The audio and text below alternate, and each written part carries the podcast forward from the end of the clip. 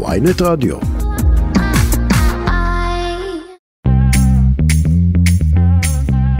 שלום לכם, אתם שוב איתנו בכסף חדש, הפודקאסט הכלכלי היומי של ויינט. היום יום שני, ה-26 ביוני. אז מה יהיה לנו היום? נדבר על תוכנית חיסכון לכל ילד. אה, ביטוח לאומי הוציא נתונים חדשים, מהם עולה שבשש השנים האחרונות מאז הקמת התוכנית הופקדו לא פחות מ-18 מיליארד שקלים. יחד עם זאת, רק כחצי מההורים מנצלים את ההזדמנות להכפיל את סכום החיסכון, אה, ואנחנו מנסים בתוכנית להבין למה זה כל כך חשוב כן לעשות זאת, ואם אפשר, וכיצד התוכנית הזאת יכולה לתת לילדים עשרות אלפי שקלים עם הגעתם לגיל 18. במהלך השנים אנחנו רואים בצורה מובהקת שהתשואות, למרות התנודתיות הזאת, העליות והירידות, שמצליחים להשקיע בשוק ההון, הן גבוהות באופן משמעותי מאשר האפיקים הסולידיים. וגם, לפני כחודש נבחר ארדואן לקדנציה שלישית כנשיא טורקיה, ולמרות שבמהלך הקמפיין הוא המשיך להבטיח שהריבית תישאר נמוכה, נגידת הבנק החדשה שלו הקפיצה את הריבית ל-15%, לא פחות.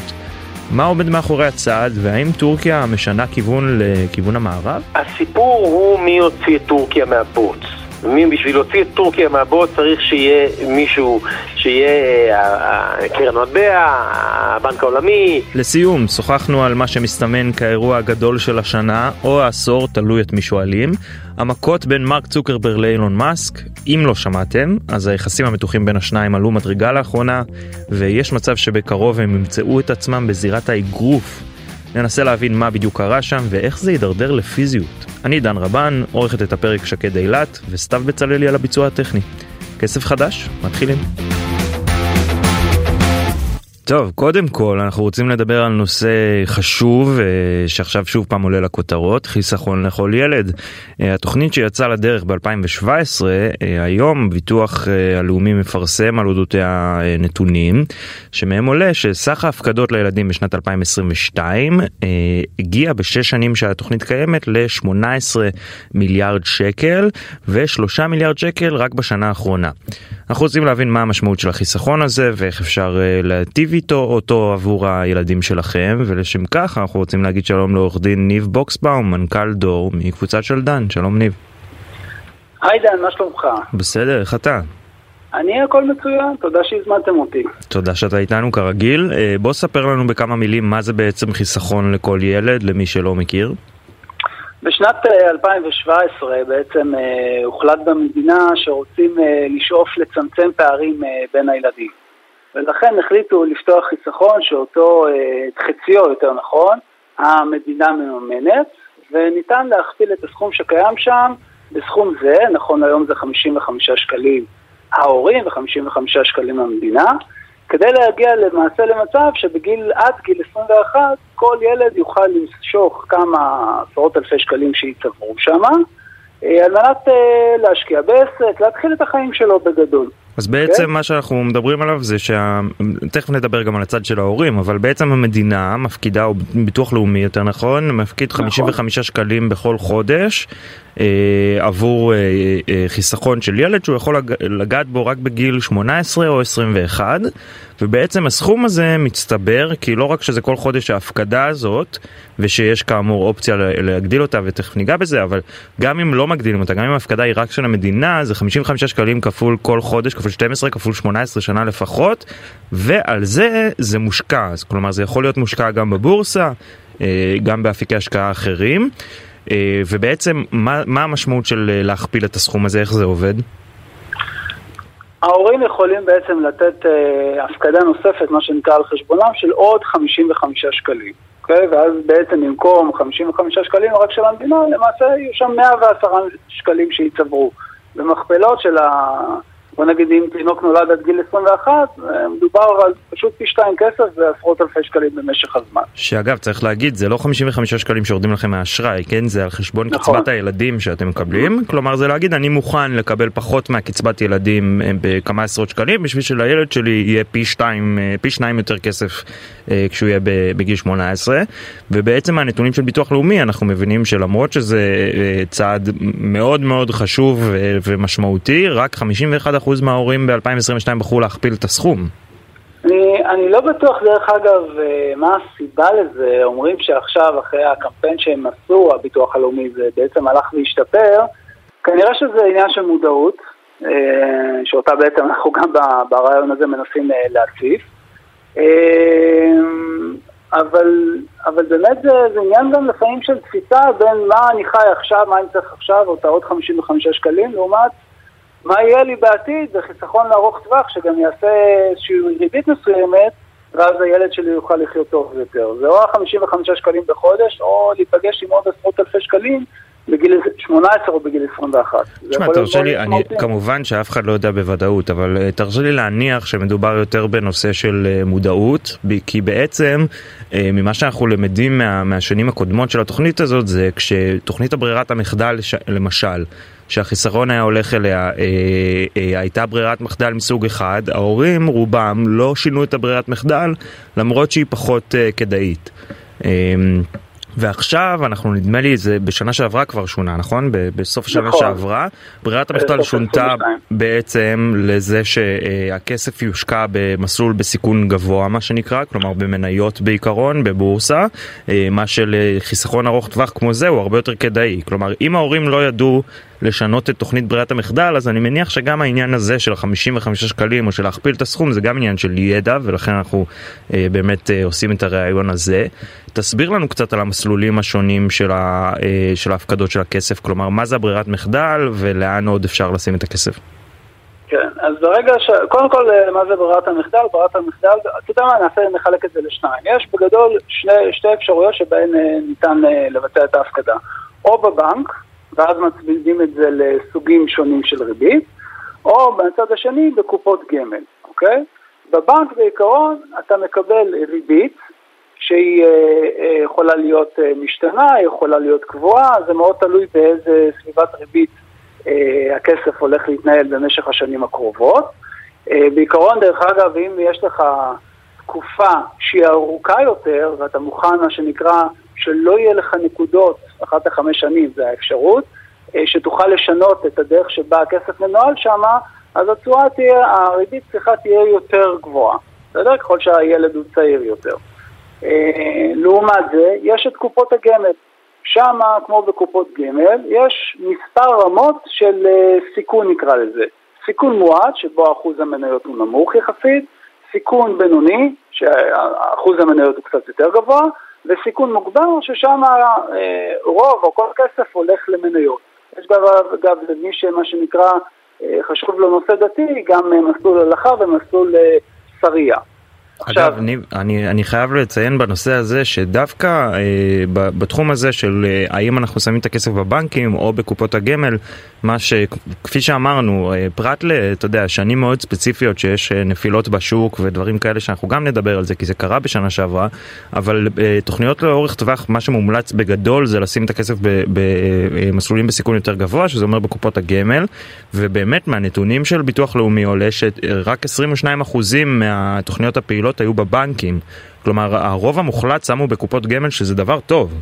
אה, ביחס להשקעה, נכון? תקן אותי אם אני אה, טועה או מפספס פה משהו. לגבי הנתון או לגבי ה... לגבי הקונספט. הנתון הוא מולי, ולכן אני לא... הקונספט, הבנתי. הקונספט לדעתי הוא נכון, כי מן הסתם אה, שוק ההון במסלולים המנייתיים לאורך זמן מוכיח את עצמו. הנקודה המרכזית היא שבן אדם מן הסתם צריך להבין ולהפנים את זה, וזו התפיסה המרכזית בדברים הללו, אה, זה שיהיו שנים לא טובות, אוקיי? בשוק ההון. שנת 2022, המסלולים האלה, המסלולים המוגברי סיכון, באותה שנה הם הפסידו כסף אפילו. לא רק שהם לא הרוויחו, הם הפסידו. אז זהו, אז בואו נשים אז... את זה גם במספרים. בניגוד ל-2021, בחסכונות שנפתחו בקופות גמל, כלומר אלה שהושקעו בשוק ההון, הפסידו בסך הכל כשלושה מיליון שקל. אה, והפקדות בבנקים הרוויחו כ-189 אלף שקלים. אה, תסביר... אין לי את הנתונים דרך אגב אה, של 2021, אבל אני די בטוח שזה היה הפוך מזה. זהו, okay? אוקיי? אז אני אומר, תסביר לנו שנייה, אני בתור הדיוט בהיי, כן, קורא את זה. כן. אומר, טוב, בקופות הגמל הפסדתי, הפסידו שלושה מיליון שקל, בבנקים הרוויחו כמעט 200 אלף שקל, למה, למה שאני אשים עדיין בקופת גמל? כל דבר שקשור בהשקעה בשוק ההון, כמו שאמרנו קודם, יש לו תקופות של עליות ויש לו תקופות של ירידות. במהלך השנים אנחנו רואים בצורה מובהקת שהתשואות, למרות התנודתיות הזאת, העליות והירידות, שמצליחים להשקיע בשוק ההון, הן גבוהות באופן משמעותי מאשר האפיקים הסולידיים. סולידי זה יכול להיות בקופת גמל בסיכון מופחת או בבנק, אוקיי? אם אנחנו יכולים להשיג באפיקים הסולידיים בסביבות השלושה, אולי ארבעה אחוזים בממוצע, סביר להניח שבסיכון המוגבר אנחנו נשיג פי שתיים מזה, שבעה, שמונה אחוזים ואפילו ייתכן שגם יותר. אבל חייבים להפנים שיהיו תקופות, כמו שנת 2022, שזה גם יפסיד כסף.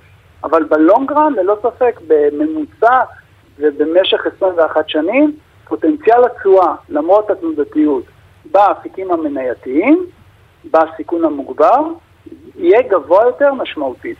טוב, תרשה לי לחזור עליך קצת ולתרגם במילים פשוטות. גם אם ראיתם שהפסדתם כסף בשנה ספציפית, אתם מדברים פה על חיסכון של כמעט 20 שנה, בכמעט 20 שנה אתם תעשו אה, אה, משמעותית הרבה יותר כסף אם זה יושקע באפיקים עם סיכון יותר גבוה, כמו אה, קופות גמל של אה, אה שוק ההון, וזה יכול להסתכם בלא מעט כסף, נכון?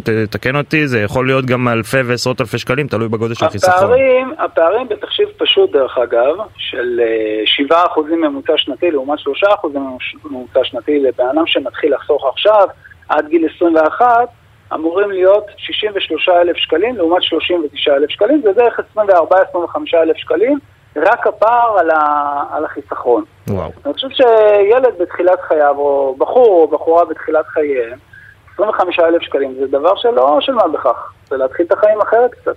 ברור, זה כמעט פי שניים החיסכון הכולל גם בסופו של דבר. אה, בוא, בוא נדבר גם בדקה שנותרה לנו חיסכון אחר שעלה היום לכותרות. אה, ועדת הכספים אישרה את התקנות אה, שלפיהן החל מספטמבר תוגבל ההפקדה לביטוח מנהלים עבור מצטרפים חדשים, אם השכר שלהם גבוה מפי שניים מהשכר הממוצע ויש להם קרן פנסיה. קודם כל, זה נושא מאוד מאוד סבוך, אני יודע, ואני רוצה שננסה לגעת בזה ממש בקצה המזלג ובשפה פשוטה. מה זה ביטוח מנהלים? ביטוח מנהלים בעיקרון זה חוזה שנכרת בין חברת הביטוח ללקוח, למבוטח עצמו. חברת הביטוח למעשה מתחייבת אה, לשלם את הפנסיה שלך גם כן, החודשית, כשתגיע לגיל פרישה, אוקיי? אבל העיקרון המשמעותי הוא שזה חוזה. אוקיי, למה, אוקיי? למה זה משמעותי? המשמעותי הוא כי לעומת זה בקרן פנסיה, שזה היה מה שנקרא אחד הוויכוחים אה, עד עכשיו, אה, אין חוזה. אתה נמצא בתקנון מול, אה, מול אה, קרן הפנסיה שבה אתה חבר, ואתה חשוף לאפשרות של שינויים בתקנון לפי מה שחברת הפנסיה מחליטה, כולל אה, שינויים אה, שיכולים אה, להיווצר כתוצאה מתביעות. וביטוח מנהלים זה what you see it ביום הראשון זה what you get כאילו. בגדול כן, היום דרך אגב זה גם לא בדיוק, אבל בגדול יותר כן. עכשיו, ב... מה, מה השינוי הזה ש... בפנסיה אני רק להגיד את זה, זה קצת יותר כמו קיבוץ, אתה תלוי גם באחרים. אוקיי, ומה השינוי הזה בעצם ש... שוועדת הכספים אישרה? כלומר, על מי הוא משפיע ואיך? זה אומר למעשה שנכון לעכשיו, רק מי שירוויח, כמו שאמרת, למעלה מ-24 אלף שקלים, והחיסכון, מה שנקרא, הפנסיוני שלו, לפנסיה, יהיה בהתחלה מה שנקרא מהשקל הראשון, ילך לקרן פנסיה, רק השלמה מעל זה, נגיד אני מרוויח, אה, ניקח דוגמה 40 אלף שקלים, אז אם הפקדתי על ה-24 אלף שקלים הראשונים לקרן הפנסיה, מעל זה אני אוכל להפקיד לביטוח מנהלים. אוקיי. Okay. טוב, עורך דין ניב בוקסבאום, מנכ"ל דור מקבוצת שלדן, תודה שהיית איתנו ועשית לנו סדר בנושא הסבוך והחשוב הזה. בשמחה, יום טוב. יום טוב. כסף חדש טוב, אז אנחנו פה בארץ מתלוננים על העלאות ריבית של רבע וחצי אחוז, אבל שימו לב לזה. אה, אחרי הניצחון של ארדואן בבחירות בטורקיה, הנגידה החדשה של הבנק המרכזי העלתה בסוף השבוע האחרון את הריבית מ-8.5 אחוזים ל-15 אחוזים, אה, לא פחות, זה כמובן בצל האינפלציה שמשתוללת במדינה והיא אפילו לא קרובה למה שאנחנו מדמיינים פה. אה, אבל עדיין באופן מפתיע יחסית, אה, משהו שלא כל כך אמור לקרות שמעלים את הריבית כל כך בחדות, הלירה ממשיכה אה, לצנוח גם אחרי הצעד הזה, והיום נסחרת בכ-26 לירות לדולר. אז בשביל להבין קצת מה הולך בטורקיה, אנחנו רוצים להגיד שלום לדוקטור עמרי אילת, עמית מחקר במרכז למחקרי מדיניות ואסטרטגיה ימית באוניברסיטת חיפה, שלום עמרי. שלום, צהריים טובים. צהריים טובים. אז תסביר לנו קצת מה קורה בטורקיה, אה, כמו שאמרנו העלאת ריבית מ-8.5% ל-15% זה לא משהו שאנחנו רגילים אליו כל כך? זה דבר שאנחנו לא רגילים אליו בשנים האחרונות, זה דבר שקרה בטורקיה, היו גם העלאות ריבית יותר חדות. כן, בטורקיה, לא רגילים אליו, כלומר, מחוץ לטורקיה, הרי לכן, אנחנו, לכן אני לא, שואל. העלאות ריבית, אה, כן, אנחנו לא, לא רגילים אליו כי, אנחנו, כי בשנים האחרונות היה קיצוץ אה, בריבית, בעיקר מאז הקורונה, קיצוץ חד אה, אה, בריבית. בגלל התלות של אה, ארדואן במשקי הבית שהם נמצאים בחובות, אה, בחובות גבוהים אה, בשנים האחרונות, התלות שלהם באשראי, אז העלאה של, העלאה של הריבית אומרת פגיעה באנשים האלה בבסיס הבוחרים שלו. עכשיו, אחרי שהוא נבחר, הוא יכול לעשות גם צעדים פחות פופולריים. והצעד הפחות פופולרי הוא לא רק שהנגידה העלתה בעצם את הריבית, הצעד הפחות פופולרי הוא מלכתחילה המינוי של הנגידה הזאת, כן? זאת נגידה שכן, האפיז גיא ארקן, היא הגיעה מג'יי פי מורגן, ברור היה לגמרי שאנחנו עוברים בטורקיה לניהול מקצועי של הכלכלה. שמה זה אומר? מניהול לא מקצועי, מניהול לא מקצועי ופופוליסטי לניהול מקצועי. כי היא לא הייתה, היא לא הייתה מסכימה להתמנות אם, אם, לא, אם היא לא הייתה מקבלת הבטחה לאוטונומיה בהעלאת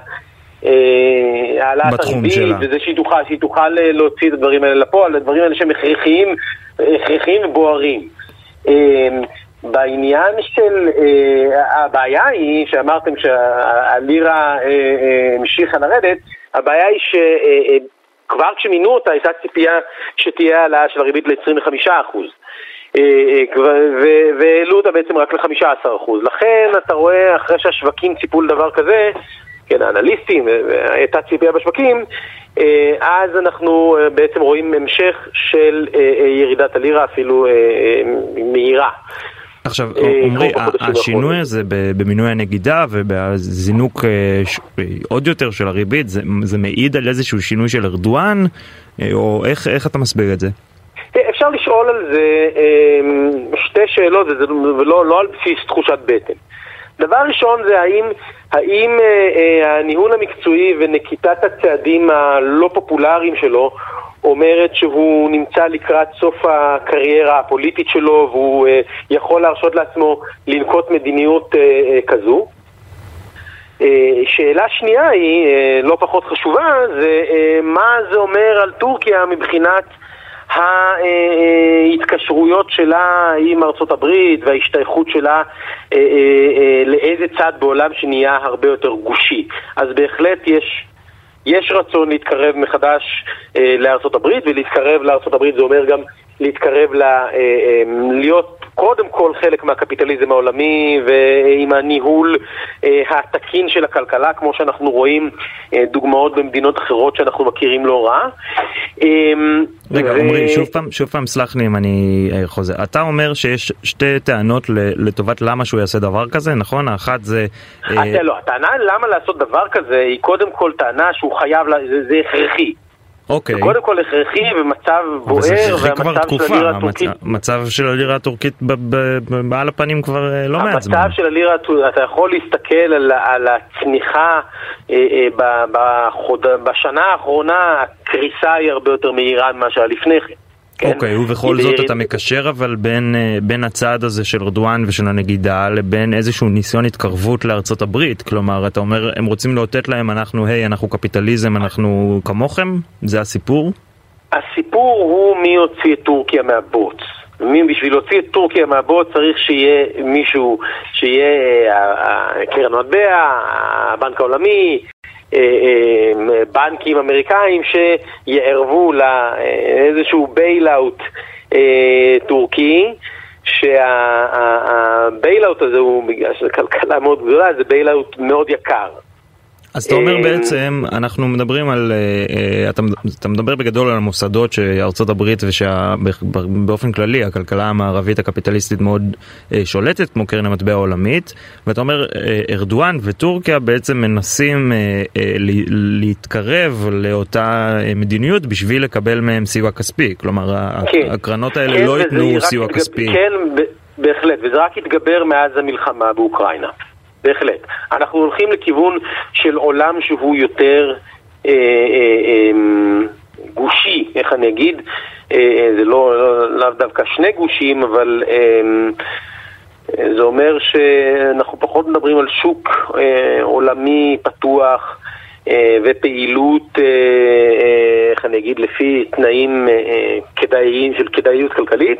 אנחנו הולכים עכשיו, אנחנו כבר בעידן כזה של, אנחנו נראה מעצמות שמסבסדות כל אחת מבעלות הברית שלה. זה לא, כמו, זה לא יהיה בדיוק כמו ארה"ב וברית המועצות במלחמה הקרה, או שאולי אם, אם זה כן יהיה ככה, עם איזה שהן ארה"ב ואיזה מדינה אחרת זה, ייקח, זה ייקח יותר זמן. עכשיו עמרי, אבל, אבל איך זה... אבל במצב הנוכחי כן, להציל, להציל את הטורקים אה, זה דבר שהוא די חשוב לאמריקאים, זו שאלה אבל איך עושים את זה. הם, כבר לא נותנים להם להשתולל. זהו, אני מבין את, את האינטרס שאתה מסביר, אבל מה שאני לא מבין זה שהיום ואתמול, אגב, אנחנו רואים שארדואן ממשיך להיאבק ב, אה, בלהט"בים, הוא סיפק לא מעט הצהרות הומופוביות, יש עכשיו נכון. עשרות עצורים, אם לא יותר, במצעד הגאווה באיסטנבול.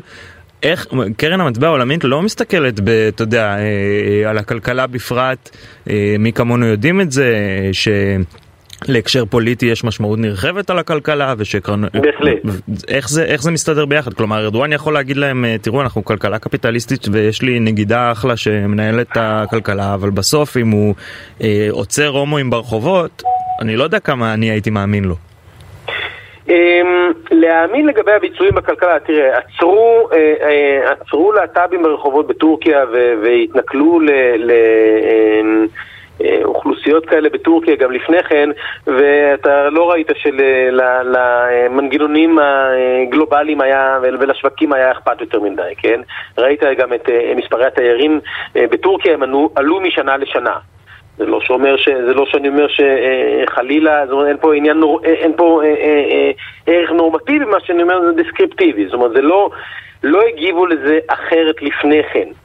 אה, כשהמצב היה פחות גרוע. כשהמצב היום יותר גרוע, יכול להיות שכדי אה, אה, לחזור חזרה אה, אה, אה, על הגלגל, מה שנקרא, אז אנחנו נראה... תביעות של דברים כאלה, גם אם, גם אם בעקיפין.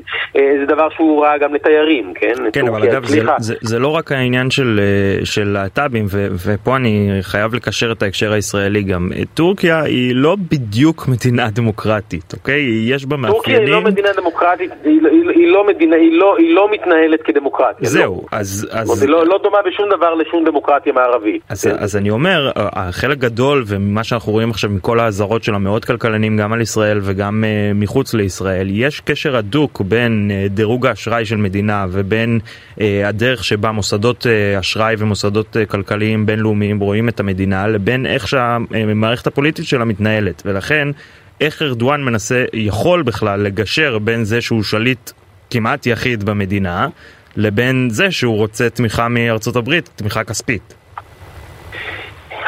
זה, זאת משימה קשה, שזו שאלה, זו שאלה אם הם יעמדו בה, אבל תזכור שטורקיה, ופה אתה, אני, אני אה, אה, האנלוגיה, אם, אם, אם עוברת אה, לך או, או, לצופ, או, או כן, למאזינים כרגע ברג, בראש איזושהי אנלוגיה לישראל, לטורקיה הנשק הטוב ביותר שלה זה ללכת לצד השני, לשחק עם שני הצדדים, היא עשתה את זה מצוין במלחמה הקרה, היא uh, עשתה את זה עם רוסיה וזה דבר שהוביל למשבר ה-S400 ולהוצאה של טורקיה מתוכנית ה-F35 uh, ומה שהכניס להם ליותר צרות, אבל הם יכולים לעשות דברים כאלה, זאת אומרת, הם יכולים, אתה יכול לראות דוגמה שעוד הרבה פחות מטורקיה מחויבת לזכויות אדם וזו ערב הסעודית שכשהם עושים שרירים, שרירים עם הנפט אז אה, את האמריקאים כן, פחות מעניין דמוקרטיה, ויש מעט מאוד דמוקרטיה שם אה, עד היום. אז זה גם, אז ערב הסעודית דוגמה טובה, ואם הולכים, זאת אומרת, זכויות להט"בים זה דבר אחד, אבל אם טורקיה תעשה קולות שהיא אולי אה, רוצה לקנות מטוסים סינים, כי היא לא חוזרת לתוכנית ה-F35, זה דבר לא, הוא לא על הפרק כרגע, אבל הוא לא מאוד דמיוני. אמ, אז במצב כזה האמריקאים אה, מהר מאוד ישכחו אה, מה, מהזכויות האלה, כי, כי זה אלה האינטרסים הגיאופוליטיים, וזה עוד עם הממשל הנוכחי. אם הם ממשל רפובליקני אז בכלל. עמרי, אה, בדקה שנותרה לנו בוא נדבר קצת על המפגש שצפוי בין נתניהו לארדואן בקרוב אחרי עשור של מתיחות, אם אני לא טועה זה מאז המרמרה, נכון? זה מה שהתחיל את כל הסיפור הזה שאני כבר לא זוכר. זה התחיל, אה, תראה, המ- המרמרה זה תחת נתניהו, המתיחות עם ישראל, ההשתלחויות הפומביות של ארדואן בישראל התחילו אחרי עופרת יצוקה, זה עדיין אה, ממשלת המעבר של אולמרט. אוקיי, ולמה בין- עכשיו לחדש איתם קשרים? למה להם? למה לנו? מה האינטרס? את הקשרים עם טורקיה הממשלה, הממשלה הקודמת כבר אה, אה, חידשה, וזה כמובן גם אה, אה, דרך בית הנשיא בהתחלה, אחר כך אה, אה, ולפיד בתור שר חוץ, אחר כך לפיד בתור ראש ממשלה, וגם גנץ. יש אה, אה, הרבה מפגשי אינטרסים משמעותיים לישראל וטורקיה.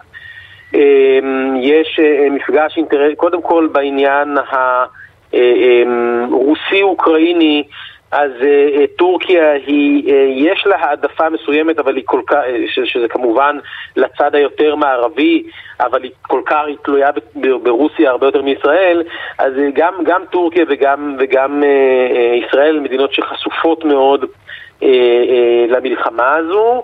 אה, ויש להם שם, וקיימים אינטרסים משותפים. דבר שני, טורקיה תמיד ראתה בישראל אה, אה, איזושהי, איזשהו צינור שמאפשר גישה נוחה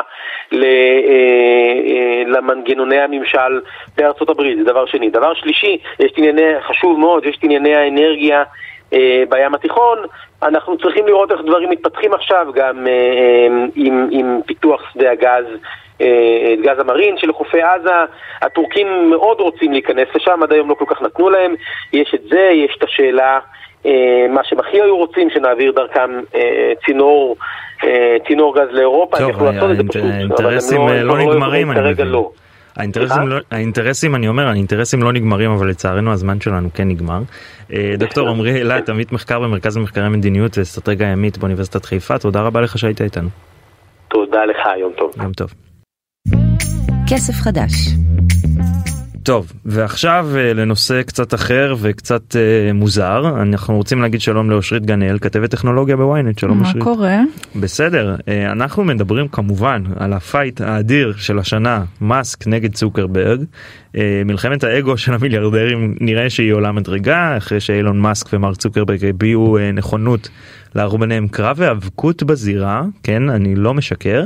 אה, נשיא ה-UFC, שמי שלא יודע, זה אה, חברה גדולה בעולם לקידום אה, ענף אמנויות הלחימה המשולבות, מה שנקרא MMA, אישר שהוא דיבר עם השניים ושהוא החל בהכנות ראשוניות לקרב. אושרית, את פה בשביל לעשות לנו סדר, על מה הם רבים, מאיפה זה התחיל, מה הסיפור. כן. אז קודם כל זה סיפור שבאמת קשה לדבר עליו עם פרצוף רציני. אה, בוא נשים את זה על השולחן. כאילו נראה לי יש אנשים שזה אולי מאוד מלהיב אותם, יש אנשים שזה מפתיע אותם, לי זה בעיקר גורם לגלגל עיניים, לא יודעת, אה, כזה. בצדק, בצדק, צריך מדברים- להגיד אגב, אילון מאסק האיש העשיר ביותר בעולם, נכון. אני לא יודע כרגע אם הוא הראשון או השני, אני, זה משתנה כל אה, שתי דקות, אבל פעם אחרונה שבדקתי הוא היה הראשון, מרק צוקרברג הוא הרביעי, עשירי. עשירי, כן. וואי הוא הידרדר.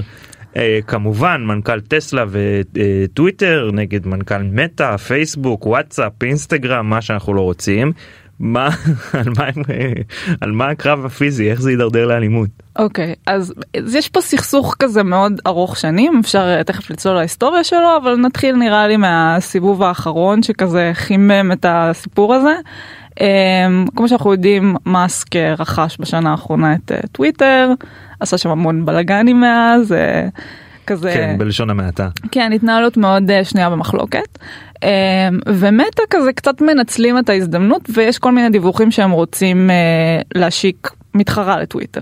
טוב רגע אולי כדאי בעצם להגיד מילה על זה בלאגנים בטוויטר הבן אדם הגיע עם כיור משלו ביום הראשון למשרד ואז כן. פיטר שלושת רבעי מהחברה אה, אה, וצרח על מי שנשאר אה, זה רק חלק מהדברים כן כן, תמשיכי. הרבה מפרסמים אה, עזבו, אה, כל מיני משתמשים שכזה באמת לא כל כך מרוצים ממה שהולך שם, כן, שינה את כל מדיניות אה, אבי הכחול מדיניות ניטור תוכן גם השתנתה, באמת המון אה, דברים. אה, עוד מלפני שהרכישה ממש קרתה, זה היה כזה סיפור מאוד סוער, כי הוא בהתחלה אמר שהוא ירכוש, ואז ניסה לצאת מזה, והרבה... לגמרי גם דיברנו על זה לא מעט פה כן. והוא גם אה, צריך להגיד שזה הכל התחיל מזה שהוא אחד היוזרים הכי בולטים בטוויטר נכון. אה, עוד הרבה לפני. אה, אז מה איך מה הקשר בין טוויטר לבין מטא ו- וצוקרברג ו- והקרב? אז באמת אפשר להגיד שכזה מטא זאת חברה עם היסטוריה מאוד ארוכה של אה, להעתיק או לשאוב השראה תלוי איך מסתכלים על זה אה, מכל מיני מוצרים ופיצ'רים אני אחרים. די בטוח שנפתח פה לתביעות ענק אבל בסדר נזרום על זה. לא, אנחנו לא הראשונים שאומרים את זה. בעצם הסטוריז שהיום מאוד מאוד מזוהים עם אינסטגרם, זה התחיל בכלל בסנאפצ'אט. רילס שזה מאוד דומה לטיק טוק אה, בתקופה שקלאב האוס הייתה מאוד פופולרית שהייתה פלטפורמת אודיו גם אה, פייסבוק אה, עשתה איזה פיצ'ר דומה בקיצור יש פה כזה היסטוריה די נרחבת בקטע כן, הזה. בעצם הטענה שפייסבוק נגנב מהתאומים ו whatever כל הרשת החברתית והסיפור של הסרט שם זה גם זה משהו נכון. שכנראה צוקרברג אה, לא פעם ראשונה שמאשימים אותו אבל הוא מצליח לעשות את זה טוב בהחלט. צריך לומר טוב כן, מאוד אפילו. אמ, ועכשיו באמת עם כל הסיפור של אה, טוויטר וכזה באמת המורת רוח של הרבה משתמשים משינוי סגנון הניהול שם אז יש כל מיני דיווחים שמטא רוצה אה, להשיק איזושהי פלטפורמה שהיא גם תהיה טקסטואלית אה, ותתחרה בטוויטר ותתממשק כזה עם אינסטגרם. רגע אושרית את לא תיארת עכשיו את פייסבוק? אמ, יותר כזה שורט פורם כאילו יותר דומה לטוויטר. אוקיי כן אמ. כן זה נשמע כמו דבר חכם לעשות להקים רשת אחרת לחלוטין שעושה כמעט את אותו דבר אבל בסדר מי אני בכלל אה, אוקיי עכשיו- מה למה קרב פיזי אז מאסק מן, מן הסתם פחות אוהב את זה אה, והוא ידוע בסגנון המאוד אה, חסר פילטרים שלו נקרא לזה אה, והוא כזה עקץ את אה, צוקרברג כמה פעמים מאז. עד שאחד המשתמשים בטוויטר בעצם העיר לו על זה ואמר לו אה, תיזהר כי אנחנו יודעים שצוקרברג לאחרונה מאוד בקטע של אומנויות לחימה. נכון זכה בתחרות אה, חגורה צהובה בקראטה או משהו נכון ג'ו-ג'יצו. ג'ו-ג'יצו כן סל- סלחו לי אז אה, זה התחיל כאיזושהי בדיחה של איזשהו משתמש מאסק כמובן קפץ על זה וענה אם הוא רוצה להילחם אני בעניין אוקיי. עכשיו, עד פה לא יודעת עד כמה זה מפתיע כי באמת מאסק מצייץ בצורה מאוד חסרת פילטרים כמו שאמרתי כבר הסתבך עם זה כמה פעמים בעבר גם עם רשות ניירות הערך כן האמריקאית. אגב הוא אמר בעצמו שהוא מצייץ בעיקר כשהוא בשירותים. שזה גם הגיוני כאילו לכמות השטויות שיוצאות לו מהמקלדת. ואז צוקרברג אמר לו יאללה בוא מכות ו- וזה באמת הקטע המפתיע פה שצוקרברג פתאום אה, הגיב בעצמו הוא לא הגיב בטוויטר הוא פרסם פוסט באינסטגרם אה. במגרש הבית שלו וכן ובעצם אה, הביע נכונות אה, לעשות את זה. ואין עדיין איזה תאריך או אה, מקום ידוע אבל הנה אנחנו רואים שבסוף השבוע בעצם נשיא ה-UFC אה, רגע זה ראשי תיבות של וואו לא unlimited לא רגע או הו הו הו מזל שיש לנו פה אדון גוגל סילחו לי צוקרברג united אולי? ואין לי אין לי משהו אינטרנט. Fighting Championship. הופה. Ultimate Fighting Championship. אז אה, נשיא ה-UFC ה Ultimate Fighting Championship בעצם מתראיין ומספר שהוא כבר דיבר עם השניים בדק את הרצינות שלהם הם טוענים שהם רציניים והוא התחיל אה, להיערך לדבר הזה. אה, הוא מעריך שהקרב הזה יכניס מעל מיליארד דולר. מה? ממה? מכרטיסים, אה, משידור? כן, מ- אנשים שמשלמים כדי וזה לצפות בזה. ילך לדעתך למאסק ולצוקרברג כאילו? אז הוא אומר הם לא צריכים את הכסף הם בטח יגייסו את זה לצדקה זאת אומרת כל אחד מהם יבחר ארגון. אה, אוקיי אבל יש להם איזשהו אינטרס אה, כלכלי להם או לאחרים לעשות דבר כזה כלומר אז אז פה אנחנו באמת נכנסים למה מה עומד מאחורי כל הדבר המוזר הזה עכשיו קודם כל בוא נגיד שזה הרבה פבליסיטי כאילו אם באמת אה, מטא הולכים להוציא עכשיו איזושהי פלטפורמה חדשה תראה כמה פרסום הם מקבלים על הגב של הדבר הזה ברור. כן אפילו אם הקרב הזה לא יקרה בסוף חכים יהיה הנה אנחנו נוקאוט, אז מדברים על בכלל. זה. אמ, עכשיו יש גם כל מיני תיאוריות שצוקרברג מנסה אה, לשפר את התדמית שלו לאחרונה להיראות יותר מגניב אז זה גם יכול להתחבר לזה אולי. אמ, אחי זה לא מגניב זה לא סורי זה לא מגניב האירוע הזה אתה הולך מכות זה בן אדם מבוגר זה אוקיי סליחה כן אמ, אז אה, ו- ומאסק זה כזה זה די הולך עם התדמית כן, שלו זה נכון אנחנו אומרים זה לא כל כך מפתיע. אותנו. אבל אה, אושרית מי ינצח? שאלה מהממת אמ, תראה צוקרברג יותר skilled. מאסק נראה לי יותר גדול פיזית. זהו אני לא יודע אני לא בדקתי מה הגדלים שלהם אני מאסק לא יודע. בחור די גבוה. הוא די- כן הוא כן הוא די גבוה. אה, מצד שני צוקרברג באמת חגורה צהובה.